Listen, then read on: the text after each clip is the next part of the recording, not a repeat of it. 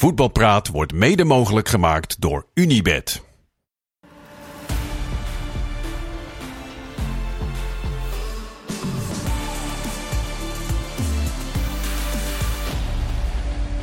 Goedenavond, dit is Voetbalpraat van woensdag 6 september 2023. Natuurlijk de 60ste verjaardag van Jozef Kieprich. De Hongaarse Feyenoord-spits met de schitterende bijnaam de tovenaar van Tatabanya. En om in, in, die traditie te blijven zit ik hier met de barbaar uit Breda, de koning van Castricum en de schrik van Servië. Goedenavond. Ik, goedenavond. Uh, Kees Luiks. Ik heb nog met zijn zoon gespeeld, hè?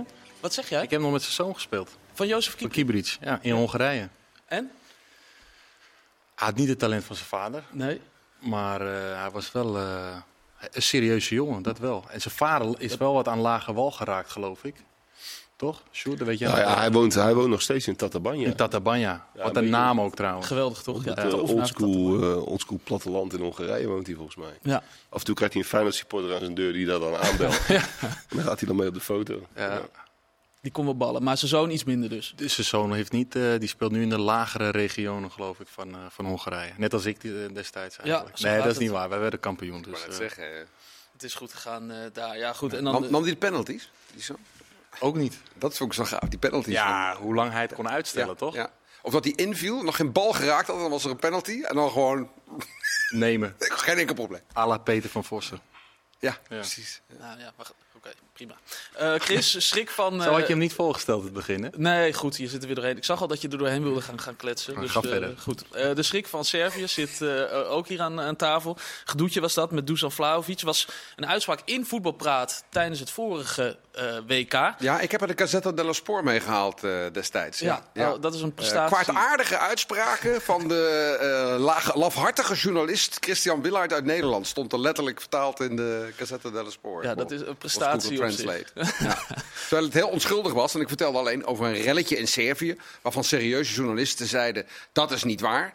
Maar ja, de sites die dat hebben overgenomen, die hebben dat stukje net even weer weggelaten. En uh, alleen de sappige kant. Uh, die ik nu maar even achterwege laat. Maar het is makkelijk terug te vinden. Ja, en ja. Vlaovic is dat nog niet vergeten. Is het WK ook nog niet uh, vergeten. Hetzelfde geldt voor uh, Louis van Gaal. Die dat WK ook nog niet uh, helemaal vergeten is. Na de Eredivisie Awards sprak jij hem onder andere, Chris. Maar ja. ook ik, bij de ik, NOS. Ik niet daarover trouwens hoor. Nee, ging ergens anders weer over. Maar bij de NOS zei hij toen dat um, het WK een vooropgesteld spel was. Dat Messi um, had moeten winnen. En uiteindelijk ook, ook won. Veel reacties op gehad. In Argentinië hebben ze het inmiddels ook uh, gehoord. Nou, ik denk dat dezelfde reactie als in de Gazette uh, dello Sport ook zo ongeveer daar zal worden beschreven. Sjoerd, jij vond het wel mooi, hè? Ja, kijk, we leven voor, voor typetjes natuurlijk. En Louis Vergaal is het soort het Uber-typetje in het voetbal. En, en je weet gewoon van tevoren dat er weer iets raars gebeurt. En dat gebeurde ook. Kijk, wat ik, wat ik er... Het, het was natuurlijk... Van de ene kant was het natuurlijk heel zwak. Je, je toont je een soort slecht verliezer. Je kunt het helemaal niet bewijzen. He, want het was eigenlijk weer een, een, een duister deeltje tussen aanhalingstekens. Hij had eigenlijk niet erg, erg argumenten om het te onderbouwen.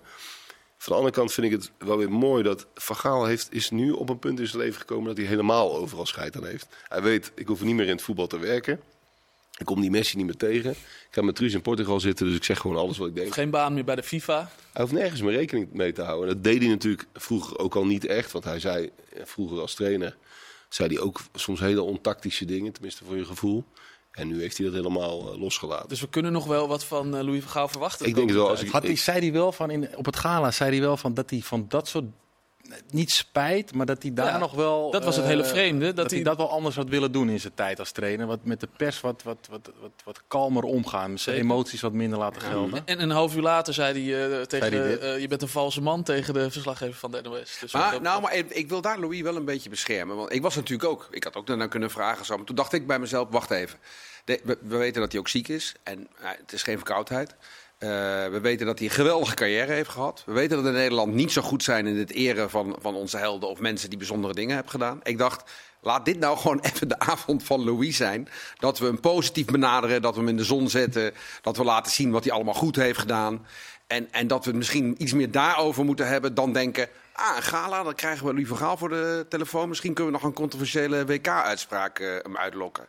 En ik denk dat hij dat ook bedoelde met valse man. Eh, overigens, in het interview met mij heeft hij ook dingen gezegd die dan weer opgepakt zijn. Hè. Dat gaat dan over Ajax en over AZ, kom je vast zo nog op.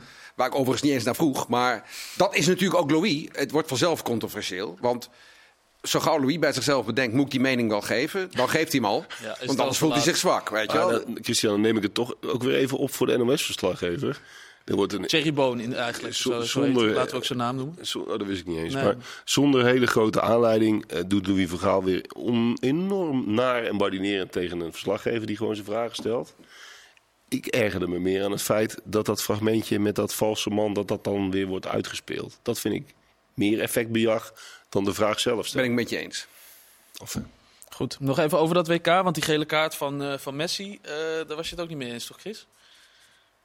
Die die niet kreeg voor die hensbal. Nee, klopt. Heb Ja. ik ook wel eens iets over. Je, hebt, eh, je hebt met hem met Twitter gedoken eh, zie- van tijdens het WK, hè? Ik zat te kijken naar jouw Twitter. Ik denk dat je wel 50 keer de, de, de hensbal van, van Messi hebt ge, gepost. Nou, weet je, eh, kijk, eh, over, over het verhaal van eh vooropgezet plot is natuurlijk onzin. Want dan geef je geen twee, twee penalties aan Frankrijk in de finale. En, en dat, dat, dat, daar geloof ik helemaal niet in.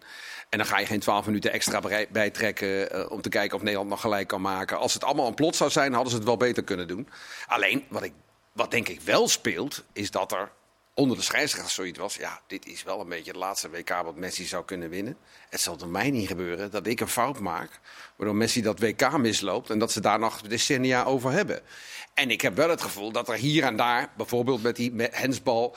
Dat er beslissingen zijn geweest die anders, anders uit waren gevallen. Daar ben ik van overtuigd. Iedere andere speler had natuurlijk wel die gele kaart. die hensbal was het meest duidelijke voorbeeld van het verhaal van Louis. Want alle andere dingen kon je interpreteren. Dat was dan net wel of net geen penalty, weet je wel. Maar die hensbal, dat was, ja, dat kon in de verste verte geen discussie zijn. Precies. Kees, hoe kijk jij naar eh, die uitspraken van, eh, van Louis van Gaal? Je hebt eh Nou, ik denk dat getraind, Chris, nog, heb je geholpen eh, nog met schoolopdrachten? Heel goed, Wouter. Je bent goed op de hoogte. Nee, ik heb sowieso voor Van Gaal... eh, die kan bij mij eigenlijk niet stuk. Maar ehm, alhoewel dat ik speler was, dat ik er echt wel eens anders over dacht, hoor. Maar nu terugkijkende, denk ik, ja... Ik heb nooit, nooit meer zo'n goede trainer gehad. Zo'n eerlijke trainer ook. Alleen ik vraag me af van... eh, ik vond hem altijd best wel heel helder in zijn in analyses. Eh, de- ik, ik heb nooit enige politiek eh, gehoord in zijn analyses. Maar dit, eh, wat hij dan zegt over Messi, en wat jij ook zegt, Chris, met ja, die handsbal was misschien het enige aanwijsbare dat je kunt zeggen: oké, daar is misschien eventjes door de vingers gekeken. Maar voor de rest denk ik, ja, dan is daar toch, daar zit toch een beetje, eh, ja, rancune is misschien niet het goede woord, maar Nou, hij is het nog niet vergeten. het, nee, hij is het niet vergeten. Er zit, er zit wel iets persoonlijks bij, denk ik. Ik denk En dat hij niet tegen zijn eh, kan. En hij... nee, maar, ja, maar, dat, maar eh, dat, dat zeg je helemaal goed. Het is misschien een open deur, maar het is niet heel sterk natuurlijk. En ik denk nog steeds dat ehm, die uitval van Messi Ja, in zijn richting, Ja, waar die echt door, door overvallen werd, ja. Dat, hem dat, nog, dat hem dat ook nog steeds Maar dat was ook heel pijnlijk. Dat, dat, dat zag je ook. Dat was, en sowieso wat er allemaal in die catacombe is gebeurd. Met die Argentijnen waren natuurlijk helemaal gek geworden. En Ja. dat zal best wel eh, ja, zijn littekens hebben nagelaten. Ja, nou, het pijnlijke was inderdaad dat Van Gaal heel eerlijk in een persconferentie juist iets zei van Messi loopt niet meer zoveel terug. En dat dat net verkeerd vertaald werd, waardoor Ja. Messi... Maar nou, totaal niet zo bedoeld. had Nee, ook precies. Nee. Nee, maar het was niet zo bedoeld, maar het was echt niet slim. Als, van de man die zeker. alles, die niks aan het toeval wil Zeker. overlaten, had je mogen verwachten dat hij ook dat gedeelte Ja. slimmer, slimmer had gedaan. Ja. Ja, genoeg over dat WK hoor. Want ehm Chris, jij sprak ook met eh, Louis van Gaal na afloop. En toen begon hij uit zichzelf dus over eh, Ajax en AZ. Ja, eh, nou, ik vroeg hem eigenlijk, ik, ik- voor eh, het gala eh, sprak ik Andries Jonker. Ik zei, waar is hij nou sportief van zijn prestaties het meest trots op? Wat, wat- en toen zei Andries Jonker, nou, dat zullen mensen misschien niet vermoeden, maar het kampioenschap met AZ. Hè? En hij heeft natuurlijk wel grotere prijzen gewonnen dan het kampioenschap met eh, AZ. Maar het, en toen zei hij, dat klopt, want dat was een elftal wat eigenlijk veel minder was dan die andere elftallen. Toen zei hij erbij, want nu is het anders. En toen zei hij, ja, toen had Ajax de beste jeugdopleiding... waar de beste spelers uit voortkomen. En nu heeft AZ dat. En nu is, AZ, en nu is Ajax een vreemdelingenlegioen. Wat eigenlijk natuurlijk helemaal niet kan. Dus ja, dat was natuurlijk wel even een hele duidelijke vingerwijzing... van wat hij vindt van de situatie eh, nu bij Ajax. Maar ook daar kun je zeggen, ja, ik, het wordt steeds moeilijker om te ontkennen... dat AZ een betere jeugdopleiding heeft dan Ajax. Want volgens mij spelen ze om de, de, de superfinalissima, of nee, hoe- eh, superfinalissima of gewoon Ja, finalissima. Dat soort dingen Finalissima heel voor de jeugd. Van, van de Youth Cup. Precies. Ik hoorde dat wij hem ook uitzenden, toch? En ze ja, we zenden hem uit. Ja, ik ga er ook zeker, zeker naar kijken. Dat is, het wordt, is natuurlijk een heel gaaf potje. Maar toch, je kunt er ook nog wel een paar kanttekeningen bij zetten. Hè? Ik zag een overzichtje vanmiddag van internationals bij de verschillende nationale jeugdploegen. Onder 19, onder 18, onder 17.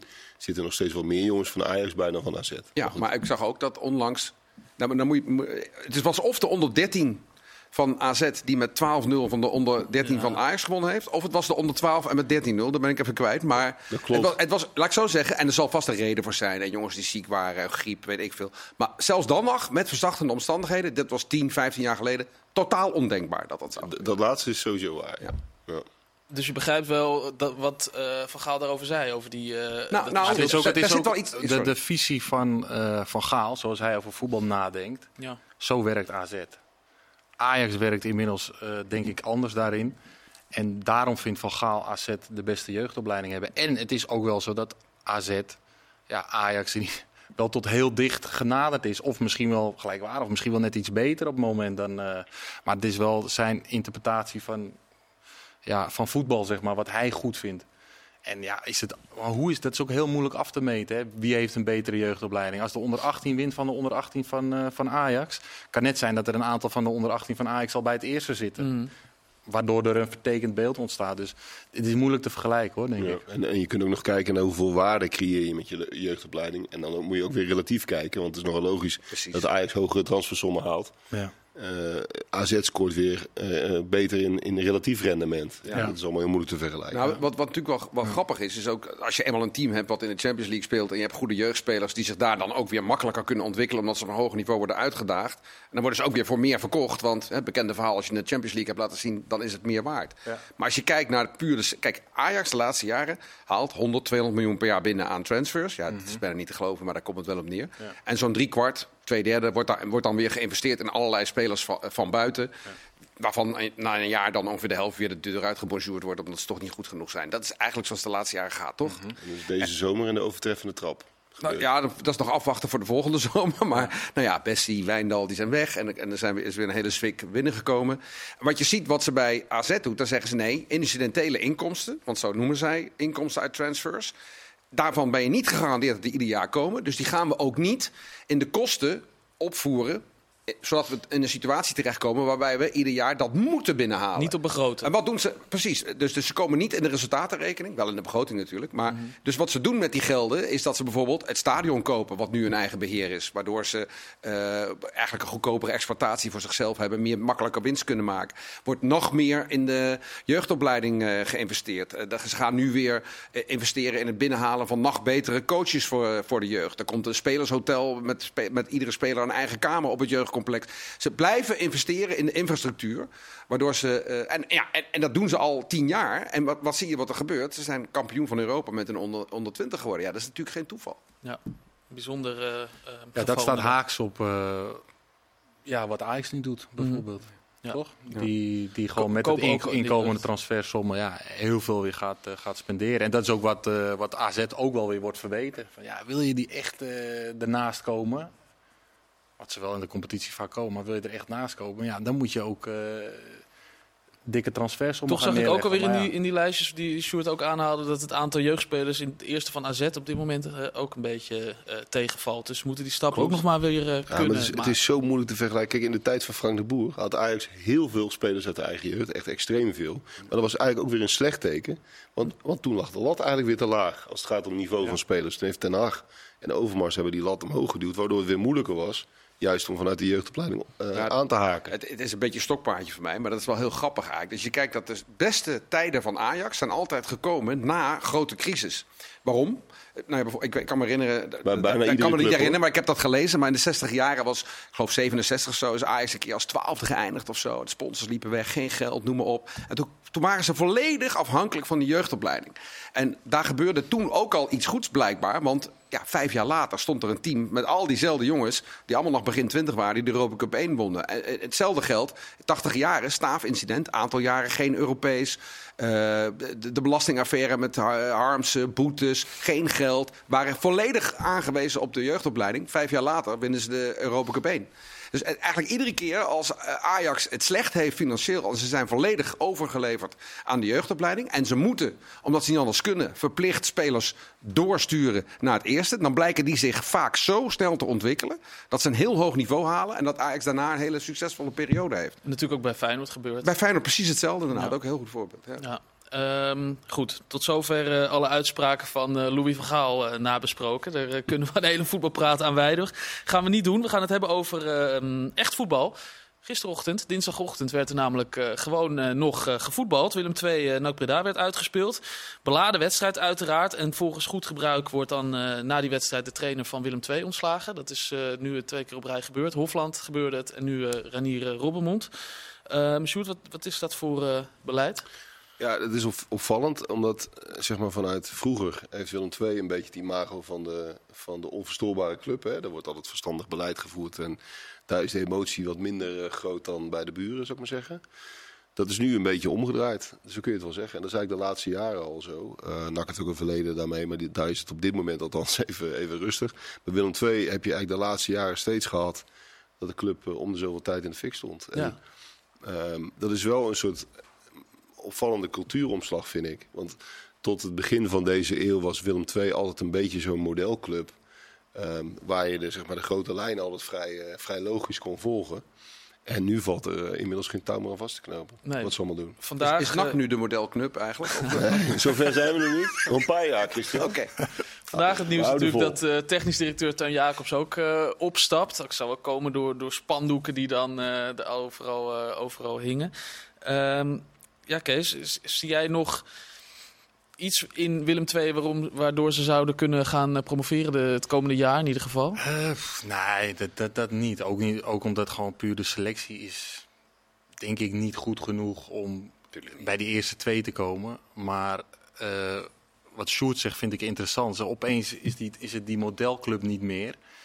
En de geluiden die ik wel hoor, is dat er ook dat het bestuur ook, of de directie ook wordt bedreigd van buitenaf. En dat, eh, dat er gewoon heel veel druk op de clubleiding ligt. En als je, da als je daarmee te maken krijgt, ja, dan gaat een, een, een kat in het nauw, zeg maar, gaat die rare sprongen maken. En eh, clubs die daar geen last van hebben, die hadden Robbermond nooit ontslagen na deze wedstrijd. Had nooit gebeurd. Het is twee uur direct na de wedstrijd is het gebeurd. De eerste nederlaag pas. Eerste nederlaag dit seizoen. Anders was dat gewoon niet gebeurd. En, en dat is wat je. En da daar geloof ik echt in. Kijk, die clubs zijn. Die, ook NAC, maar dus ook Willem II. Dat zijn prachtige clubs, omdat het leeft. Ook eh, Willem II heeft eh 10.000 seizoenkaarthouders. Maar inherent is gewoon extra druk van buitenaf. Van, eh, een, een, een, een, ja, hoe zeg je dat? Een, eh, een, roerige RVC die zich veel wil bemoeien. Eh, supporters, media, weet je. Dat, dat- maar dat maakt ook dat die mensen in de leiding, die durven niet meer voor hun trainer in te gaan staan. En die durven niet meer als een echte leider voor een club te gaan staan. En ja, dan krijg je dit soort beslissingen. Maar je hebt nu een, een, een, een zomer gehad, een transferperiode, een transferzomer heb je gehad. Dan heb je een aantal wedstrijden gespeeld. En dan heb, verlies je één wedstrijd. Ja. En dan gaan zowel de TD als de Ja, trainer... En dan moet je nagaan hoe die spelers, want dat gaat eigenlijk alleen maar slechter, denk ik nu. Want hoe die spelers zich moeten voelen, want daar gaat het uiteindelijk om. Die moeten presteren, die moeten het laten zien. Die TD heeft een aantal nieuwe jongens gehaald. Eh, nou, nu moet er weer een andere trainer komen. Ja, hoe moeten die gasten zich voelen? Je hebt Die- het vorig die, jaar die, die voelen zich aan hun lot overgelaten, denk ik. Vor, vorig jaar had je dat bij Groningen. Ja. Met Vladeris die eh, meteen na de transfer deadline... eh, Ja. hè, dat was, En die, had, en die had net allemaal buitenlandse jongens ook gehaald, allemaal Scandinaviërs. Ja, hoe ben je met een heel verhaal binnengehaald? Je bent huisvriend, je hebt je familie, neem je mee misschien. En vervolgens die, toch wel die vertrouwenspersoon ook, die gaat weg. Die ene persoon die het in je zag zitten. Ja, Maar het, is, het is zo moeilijk hè, als je een club van het formaat Willem II bent, of NAC of Rode JC, noem ze allemaal maar op.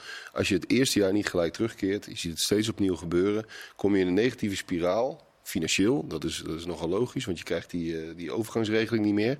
En, en dan zie je dat vaak die hele club eh, een soort van uit elkaar begint te vallen. Terwijl degraderen niet zo erg is, toch?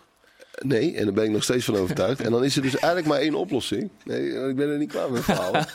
Nee, je moet toch uiteindelijk moet je zorgen dat er een soort eh, grote reset komt. Waardoor je uiteindelijk echt van de grond af aan. En dan moet je niet- letterlijk nemen, want je moet uiteindelijk ook weer gewoon terug.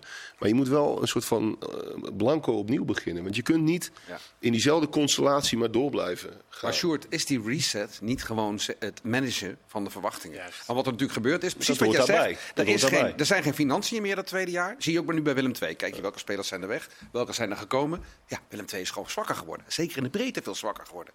Ik sprak Robbermond, ik geloof was het wedstrijd 2 van het seizoen, voor Eindhoven. En ik zeg, eh, nou, ik heb naar je selectie gekeken. Er zijn een paar goede spelers weg. Er is niet veel voor teruggekomen. De verwachtingen zijn nog steeds dat je moet promoveren. En als het niet lukt, dan, dan gooien we de trainer Zes eruit. En hij begon, hij, begon een beetje, hij begon een beetje te lachen. Maar hij begreep precies wat ik bedoelde. En, en nu is het ook gebeurd. Waarom? Omdat inderdaad juist door die hele fanatieke aanhang... niemand durft te zeggen tegen die aanhang... jongens, het is jaar twee, dat is een moeilijk jaar. We gaan waarschijnlijk niet promoveren. Hou er maar geen rekening mee. We proberen het, doen ons best. We leggen de lat op eh, die play-offs. Maar we kunnen echt niet voor top 2 gaan spelen. Dat is gewoon niet reëel. Dat wordt niet geaccepteerd. Dan, ja, dan, dan, dan, dan staan ze in de bestuurskamer. Ja. Ehm, Kees, opvolger, Robbermond. Wie, wie stapt erin nu? Lijkt me niet een, eh, een positie waar eh, heel veel mensen voor, voor staan te springen. Dik advocaat. Je doet het altijd. Ja, maar je, kan wel, ik- je moet wel iemand hebben die, die voor zijn team gaat staan. Ik zeg niet dat Robbermond dat niet deed. Maar die, ja, die, die, die een beetje de druk kan wegnemen bij die gasten. Dat denk ik dat heel belangrijk is. En dat zijn over het algemeen niet eh, jonge trainers die eh, lekker willen gaan voetballen. 4-3-3 eh, mag 4-3-3 zijn. Maar een beetje eh, ja, realistisch en de energie weer terugbrengen in de groep. Ik heb van eh, advocaat ook eventjes gehad als trainer. Ja, die zorgde wel voor één ding. En dat was echt dat de energie terugkwam in de groep. Die ging gewoon een dag voor de wedstrijd 4 tegen 4 spelen. Felle partijtjes. Ja, dat kan hij wel. Dus eh, alleen ja. eh, ik zeg niet dat het dik advocaat moet zijn, maar wel zo'n type. En Zo'n ik heb type, daar een verder ervaren- niet even een direct een naam of zo, maar wel een ervaren, ervaren. Ja, dat, voor die spelersgroep, hè? Ja. Zou ik dat wel. Ik zou ook voor een trainer gaan die iets kan veranderen. En, en dan is het, dat lijkt heel opportunistisch. Maar het model eh, Frits Korbach, zo uit als de weg naar Rome. Een, ik noem maar een type als eh Stijn Vreven, Petrovic. Dat zijn trainers, wordt vaak lacherig over gedaan. Als, als een club dood is, bij wijze van spreken. Dan, dan heb je met zo'n trainer in ieder geval nog kans om de play-offs te halen. En dat er dan nog iets gaat leven, heb je in ieder geval nog een kans. Een grote, een grote naam die eh, de club weer een beetje in, eh, in leven houdt. Goed, in ieder geval gaat het niet Ron Jans worden. Die werd vandaag eh, gepresenteerd bij FC Utrecht. Gaan we het over hebben. Het wordt ook niet Ronald Koeman, want hij is de bondscoach. Ook daar gaan we het zo meteen over hebben. Heel graag. Tot zo.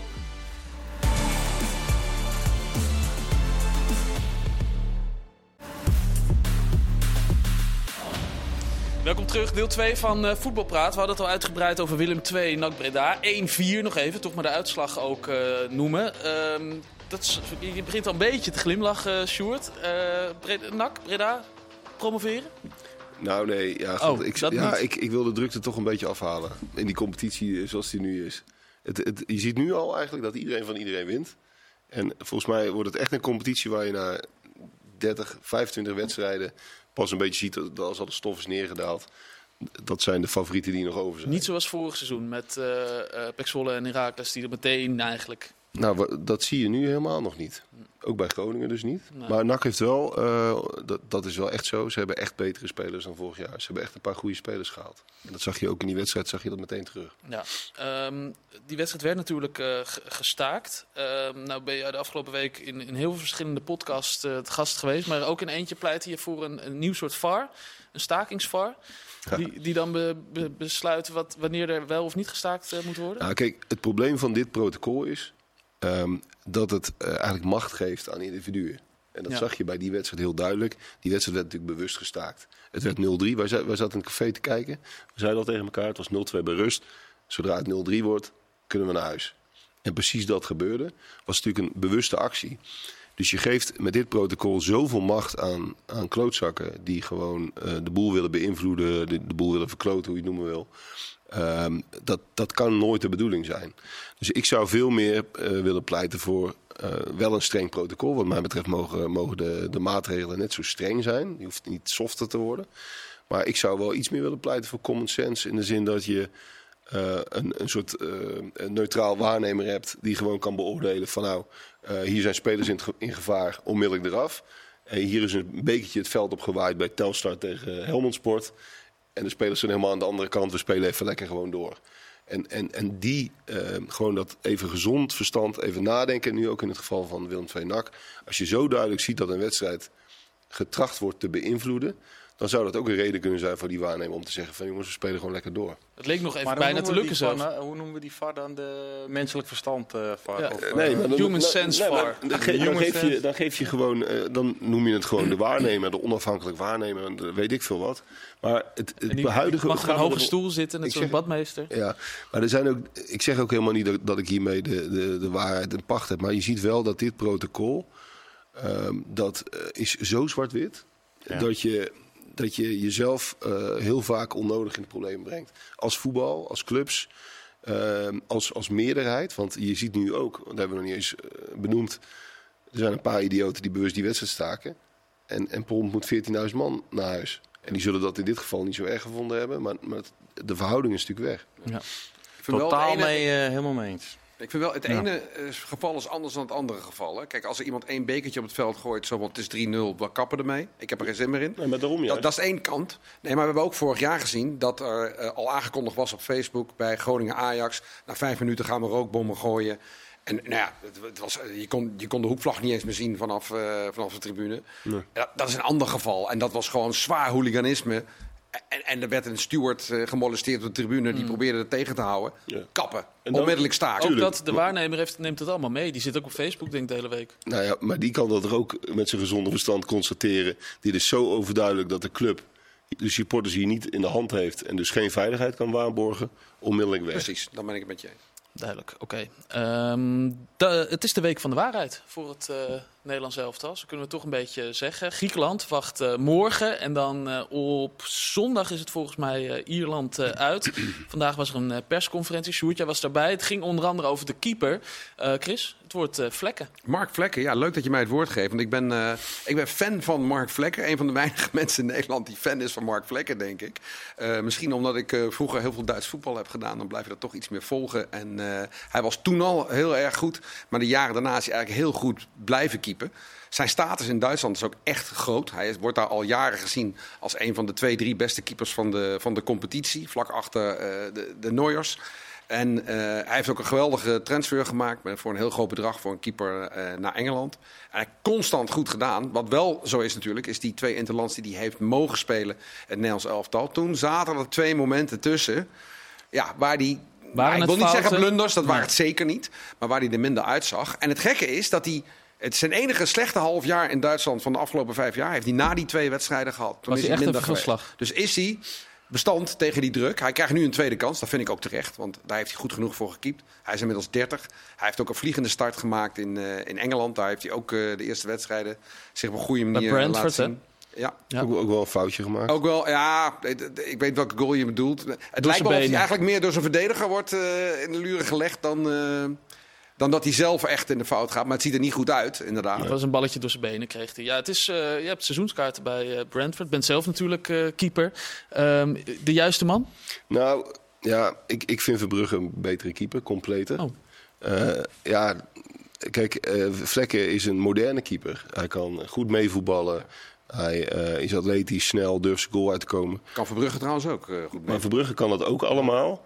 Eh, en ik vind eh, Vlekken op het, op het gewoon het simpele afstandsschot... vind ik hem nog wel eens eh, zwak. Ja, dat is En, zwak. en daar is Verbrugge ook, ook sterk. Dus ik vind Verbrugge als keeper compleet. Ik denk ook echt dat dat nog een hoger niveau is dan... eh, dan, eh, dan Brighton, hè, keept hij. ja, maar ook in de, in de komende jaren dat dat echt top kan worden. Koeman liet het eigenlijk ook doorschemeren. Hè? Zo van Verbrugge, ja, tuurlijk, dat wordt hem. Maar nu even. Ja, hij zei die heeft dat een hele mooie ook. toekomst voor zich. Ja. Ja, Maar maar is- dat is toch ook een beetje. Hij kan moeilijk zeggen van volgend jaar is hij wel de eerste keeper. Maar dat, dat, dat, dat schemerde wel een beetje er doorheen, vond ik. Ja. En ik begrijp ook wel een jongen die net 20 is. Dat je die, moet je die dan nu, zo'n cruciale interland. Nee, precies, die redenering kon ik ook volgen. En Vlekken zit al langer bij de groep. Overigens blijft het dan nog steeds extra raar dat hij niet meeging naar het WK. Ja. Daar was er altijd bij en opeens ging hij niet mee naar het WK. Ehm, maar goed, ja, je kiest toch een beetje voor zekerheid en routine. Over het WK gesproken, zekerheid, routine. Eh Anders Noppert. Ja, maar ja, die, die, die zitten gewoon in een mindere periode. Dat, dat geeft hij zelf ook ruiterlijk toe. Dus ik vind het niet zo gek dat die is afgevallen. Ja. Ehm, hoe was het verder eigenlijk, de persconferentie? Nou, het was, het was niet wereldschokkend. Eh, Ja, kijk, Koeman is natuurlijk eh, in algemene zin ietsje degelijker dan Van Gaal. Dus het, het ging nog even, uiteraard weer even over het, eh, hoe noem je dat, het zelfcorrigerend vermogen van de spelers. Dat er niet zou zijn, volgens Koeman. kaart Koeman eigenlijk zelf aan. was eigenlijk zijn eigen initiatief om daar eens eventjes wat over te zeggen. Daar zei Frenkie de Jong van. Dat was nog het aardigste van. Die vond het eigenlijk een beetje uit verband, zijn verband gerukt verhaal. In de zin dat het allemaal heel groot werd gemaakt. Hij zei dat valt allemaal echt wel mee. Wij corrigeren elkaar echt wel. Ja, je kunt het thema ook heel groot maken. Het is een feit dat deze generatie iets anders communiceert dan de tijd van Rinus Israël, zou ik maar zeggen. En dat is ook per se- niet per se erg. Als het maar niet leidt tot, ehm, tot vrijblijvendheid. Ja, de term eh, patatgeneratie viel ook nog gelukkig. Dus we Ja. konden de bingo eh, afvinken. Eh, Kees, ik heb jou gevraagd om eh, voor morgen toch Koeman een klein beetje te, te helpen. met eh, de Eentje ideale elf. wel ingevuld dus. Eentje heeft hij eh, eigenlijk al een beetje voorgezet. ik heb hem gemaakt. Je hebt ook Ik gekozen toch, voor Vlekken dus. Ja, ik, eh, ik, ik, Je bent meegegaan ik had Koeman. persoonlijk gekozen voor Verbrugge. Maar vanuit mijn positie is het heel makkelijk lullen. Ja. Want eh, wat we net al zeggen, het is een cruciale wedstrijd. Dus je gaat... Ja, ik, ik snap wel... Kijk, het is niet erg dat eh, als Verbrugge een paar keer een ketser maakt. Dat is helemaal niet erg. Ook niet in Nederland zelf. Dat hebben heel veel... eh volgens mij Cruijff die heeft ooit in zijn eerste wedstrijd een rode kaart gehad voor Nederland zelf. De licht ging, ging eraf. Eh, dat, dat gebeurt allemaal. Alleen dat, dat kun je je nu niet permitteren. Dus eh, voor mij makkelijk lullen, maar ik had Verbrugge opgesteld. Eh, ik zou toch weer naar een eh 5 2 2-1 gaan, soort van. Ja? ik zit even te rekenen. Nee, omdat we... eh, ja, het is maar net hoe je het ziet. Ja, doe eerst Maar de Dumfries, eh, vierkant op middenveld. Dumfries, gewoon omdat je zoveel goede centrale verdedigers hebt Je eigenlijk. wil En ik zoveel mogelijk goede opstellen. Ja. Dus je hebt Dumfries. eh, eh, ja, De Licht, Van Dijk, Ake, Hartman links, eh, Veerman met Frenkie op het middenveld. Zou ik Gakpo in de punt doen en Simons en Malen erachter. Die had ik... eh, maar nogmaals, het is makkelijk lullen En vanuit wie, mijn wie waren positie. je twee defensieve middenvelders? Ik zit niet op Veerman en Frenkie. Oké. Omdat ik denk dat Veerman heel goed kan samenspelen met Frenkie. Frenkie is een loper met de bal, Veerman een paser. Ja, dat zou ik wel eens, eh, dat zou ik wel eens willen zien. En En daarom- intelligente spelers. En omdat je die twee hebt opgesteld, heb je er ook maar voor de zekerheid drie achter gezet. Neem ik aan. Ja, ook dat, maar ook omdat er gewoon... Wij hebben zoveel goede centrale verdedigers. Die, zou ik, ja, die, die moet je gewoon opstellen. En eh, ja, als die niet meer presteren of weet ik veel wat... Ja, dan kun je altijd nog zeggen, ik ga het middenveld aanpassen. Maar om te gewoon vanwege de goede spelers hier... Ik stel gewoon de beste spelers op. En in de spits En had niet- je niet Xavi en Malen, toch? Eh, Gakpo en eh Xavi en Malen erachter. Ja. Ja. Een beetje eigenlijk hoe Van Gaal speelde tijdens het WK. Ehm, heb je nog getwijfeld over de linksback? Eh Daily Blind had gekund. Volgens mij doet hij het heel goed in Spanje, bij Girona. Maar ja, ik zou de jeugd nu wel de kans of de voorkeur geven nu. En Blind vind ik ook eigenlijk wel... Je kunt er altijd op terugvallen, maar we zijn er wel voorbij nu. En dat hij er nog bij zit, oké, dat zal zijn redenen hebben. Maar voor de basis zou ik daar niet aan eh, denken. Je kunt natuurlijk nog AK zou je ook naar links kunnen zetten. Ja. Maar ik vind AK meer een centrumverdediger dan, eh dan, dan, dan een linksback. Chris, als je één ding zou mogen veranderen in die opstelling? Eh, nou ja, je zegt zelf al, dat zou ook kunnen. Ik zou, Ak- ik zou met, toch met vier verdedigers spelen. En dan zou ik ehm Ake linksback zetten. En ehm, ik zou niet voor Veerman kiezen naast Frenkie. Vind ik te veel risico. Ook een beetje balafpakkers. Een beetje, hoewel Veerman dat veel beter doet dan mensen denken. Maar, maar Wiever, Frenkie zeker. Ja. Maar Wiever is wat dat betreft eigenlijk de beste middenvelder die we hebben eh, in Nederland. En die speelt hem ook nog naar de goede kleur. Veel balafpakkers, die leveren hem daarna weer in. Dus ja, dan pakken ze twaalf ballen af in de wedstrijd, maar ze spelen er ook twaalf. Dan zeg ik altijd, kom je uit op nul. Dat is bij Wiever niet zo. En eh, dus dat, ja, dat, da- da- daar zou ik dan voor kiezen. Het zou een enorme concessie zijn als hij dit echt gaat doen. Wat dan? Nou ja, Koeman heeft natuurlijk meteen, vanaf, meteen na het WK gezegd. Oh, zo. Ja, ik denk dat het ja. anders kan. Ja. Het moet 4-3-3. Ja.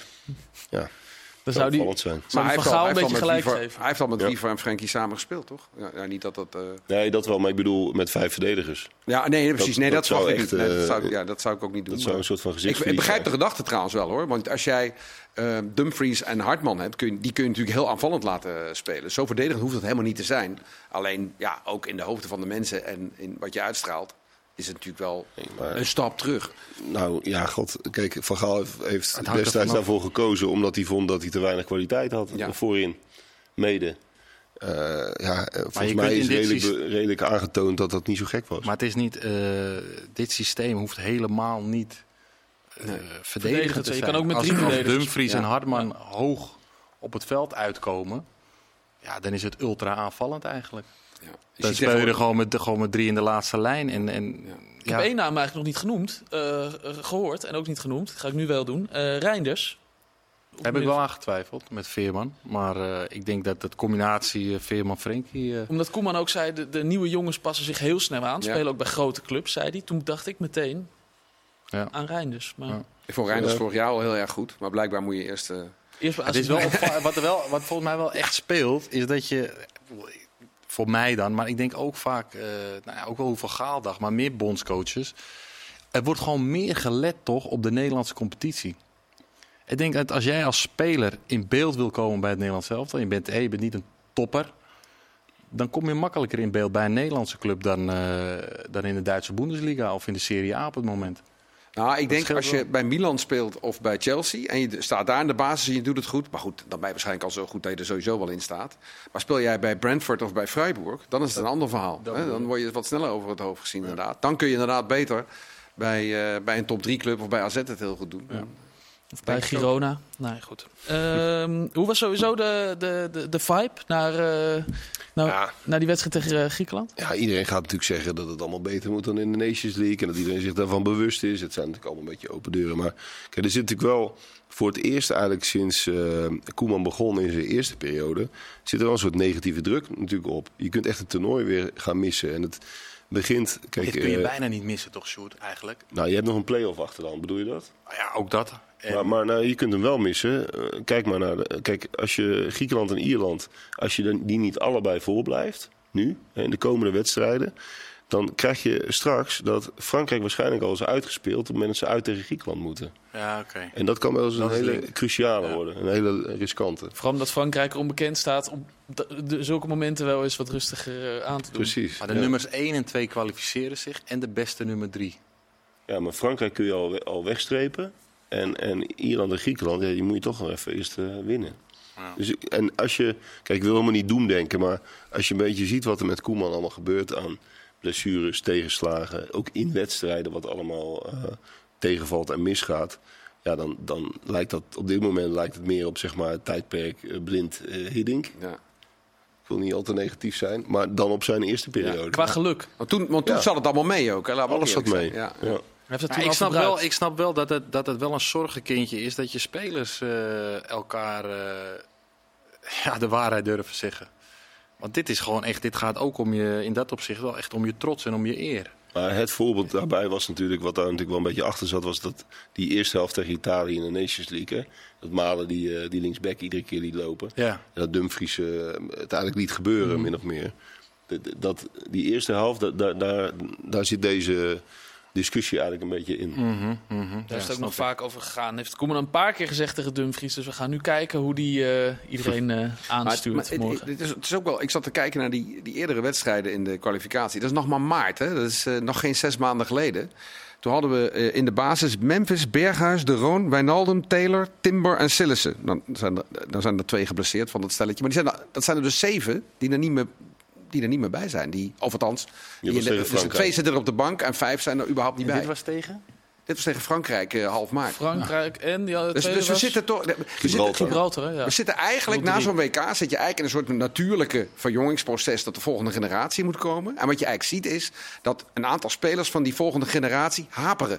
Niet echt doorbijten naar het hoogste niveau. Hè, Bergwijn is nog niet zo goed als we misschien twee, drie jaar geleden hadden eh, gehoopt. Eh, Taylor is nog niet zo goed als we één of twee jaar geleden hadden eh, gehoopt. En, en dan heb je ook nog een paar blessures erbij. Je komt nu in een soort... eh, ja, bij- ja, niemands land is, is overdreven. Maar het Maar- lijkt toch precies op de periode na het WK 2014 met Van Gaal. Ja. Die, die, die, zeg maar, die drie, vier jaar daarna, toen er ook een soort wisseling van de wacht was. Ja. Dus ja. Ik wil het eh, nog met jullie hebben over eh, Ron Jans. Die is vandaag dan eindelijk gepresenteerd als trainer van eh, FC Utrecht. Hij deed er een aantal wel leuke uitspraken, vond ik. Ik hou er toch meer van dat je gewoon iets zegt in ieder geval. Hij zei bijvoorbeeld, dit was een kans die ik niet kon laten lopen. Is, is dit echt zo'n grote kans voor hem, Chris?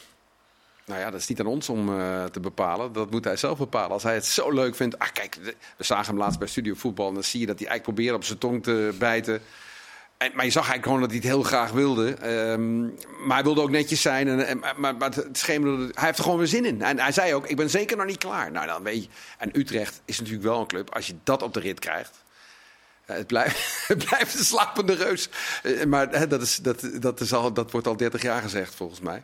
Maar ja, er zijn natuurlijk wel heel veel voorwaarden om daar een succes van te maken. Ik moet niet vergeten dat eh, er wordt nu gezegd van ja, maar ook Jans krijgt dat niet aan de praat. En, maar toen Jans instapte bij Twente, nou, toen was de situatie bij Twente misschien al wel een stuk druiliger dan die nu bij, eh, bij Utrecht is. Dus ja, hij heeft daar toch iets voor elkaar gekregen. En wat ik ook knap vind, is dat eh, Jans werd, werd heel lang gezien nog als de, ja, van een bepaalde generatie trainers die op een bepaalde manier voetbalden. eh 4-3-3, puntje naar voren, balbezit, voetbal. En je ziet dat hij heel erg gemoderniseerd heeft. En of dat nou door, ook mede door hele goede assistenten is, zal mij worst zijn.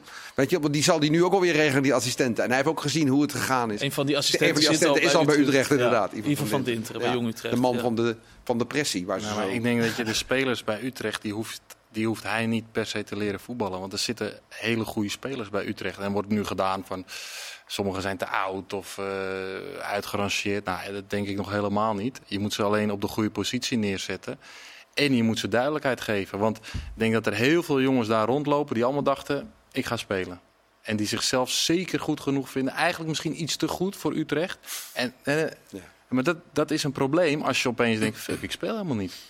Ja, en dat moet een, een, eh, een people manager, die moet dat eh, in goede banen gaan leiden. Ik denk dat Ron Jans dat heel goed kan. Hij zei verder, zei hij, eh, het kan alleen maar beter gaan. Vond ik ook wel een, eh, een spannende tekst. Want ja, je weet het niet. Dat dachten ze bij Groningen ook vorig jaar. Maar dat, is wel bij trainers is dat altijd heel bepalend. Hè? In, in- de, de, zeg maar de wat slimmere, ervarene coaches die kijken heel erg daarnaar. Het instapmoment. Het, het instapmoment Ja. kan Ja. het alleen maar beter. Dat was bij Ja. Twente natuurlijk. Er was niks meer bij Twente toen hij begon. Maar het was wel zo dat het alleen maar beter kon. Ja. En, eh, dat heb je nu bij Utrecht ook een beetje. En wat hij ook zei, dat vond ik helemaal mooi. Want dat is iets waar je hem dan aan, aan kan houden. Hij zei, we gaan meer thuisdoelpunten maken dan vorig seizoen. Vond ik wel een... eh, ook, Heeft hij wel een inhaalslag eh, te slaan nog, maar ze hebben er al één gemaakt Ja. tegen Feyenoord. Maar goed, het was ook de eerste van het, eh, van het seizoen. Ehm, maar, maar goed, dat is wel wat bij Twente natuurlijk ook zijn kracht was. Die thuiswedstrijden, dat blijkt toch iets waar hij eh, nu ook weer eh, op, wil, op wil in gaan zetten. ik denk dat hij dat ook goed doet. Ja, dit, het, is een beetje, het is ook een beetje waar we het net over hebben met Willem II. Kijk, die gasten die krijgen een hele hoop over zich heen nu. En hij moet, eh, hij moet ze weer eh, gaan eh, laten lachen en, en, en ze vertrouwen geven. Want ik denk dat ze nu ook allemaal... ze hadden een hoop vertrouwen, die spelers. Maar ik denk dat ze nu denken van, we kunnen er geen zak meer van. Jij kan zo technisch directeur worden bij FC Utrecht, Kees. Want inderdaad, Jullie Zuidam zei... Ron Jans moet zich gaan richten op het zelfvertrouwen binnen de groep. Ja, alsof ik jou hoor eh, praten. Ja, maar ik kijk nog wel even uit, hoor. Pas maar, op daar. Maar dat vind ik wel grappig dat hij dat zegt. Want zelfvertrouwen binnen een groep wordt natuurlijk niet zo groot als je eh, ieder jaar ziet dat er vier spelers voor jouw positie gehaald worden. Omdat ze denken dat die vast wel beter zijn dan jij. Weet je, ze hebben al drie jaar geprobeerd om een speler te halen die beter is dan Van der Streek. En iedere keer na twee, drie maanden staat Van der Streek er toch weer op omdat hij alsnog de beste blijkt te zijn. En na drie jaar zegt Van der Streek, weet je wat ik doe? Ja, ik ga er maar eens vandoor. Ja, bij, eh, Ramselaar, hoe lang eh, zit dit daar niet al zonder dat hij eigenlijk basis speelt? Iedere keer komen er weer nieuwe spelers, dan gaan we die proberen. Misschien is dat beter. Was Van Seumer ook bij de presentatie of is dat niet bekend? Heb ik niet, eh, ik niet gezien. Nee, Sjoerd, ik wil het nog over één ding hebben. Dat is inderdaad die wedstrijd die al even viel. Boca Juniors tegen Jong AZ. De finalissima voor de jeugd in La Bombonera, stadion waar jij graag komt. Wij gaan hem uitzenden inderdaad. ESPN 2, zaterdag, 9 uur. Ik neem aan dat je gaat zitten ervoor. Gaat er ook iemand heen van jullie of is het vanuit de bezemkast? Dat is, eh kan ik nog niet zoveel over zeggen, maar eh, je gaat het dan merken. Ja, nee, precies. Nee, maar het is een geweldig stadion. En echt eh, heel bijzonder om daar te spelen. Ook omdat er bijna geen Nederlandse ploegen gespeeld hebben. Feyenoord heeft er in 1970 de, de, de wereldbekerfinale tegen Estudiantes gespeeld. En Ajax is nog een keer terug geweest. En dat is een soort vergeten wedstrijd. In 97 hebben ze een soort, daar een soort eh, quasi eh, een supercup wedstrijd gespeeld tegen Boca Juniors. Met Van Gaal. En er zit Toen een, eh, Ivan Gabric eh, gehaald. het zou wel kunnen dat het in diezelfde periode was. het inderdaad. was wel die periode. Ja, ja. En, en daar zit een bekend fragment in dat ehm, Louis wordt dan boos op de cheerleaders. Die de warming-up eh verpesten. Ja, dat is heel goed. Uiteraard. Louis in La, Bo- La Bombonera, daar is hij ook weer gewoon geweest. Geweldig. En Ja. ook daar leidde dat gelijk weer tot commotie. Dat is goed dat je dat zegt. Dan kan eh trainer van Jong AZ, Jan Siersma, kan zich nu alvast voorbereiden. Er zijn cheerleaders. Laat ze in uh, godsnaam uh, met rust, Jan. Ja, mooie wedstrijd is dat. Dus uh, zaterdag 9 uur, ESPN 2. Sjoerd, dankjewel. Kees, bedankt. Chris, bedankt. Fijn dat jullie er waren, man. Het wordt een mooie voetbalweek. Met hopelijk een overwinning op Griekenland. Met het elftal van Kees kan dat bijna niet misgaan. Bedankt voor nu en heel graag tot snel.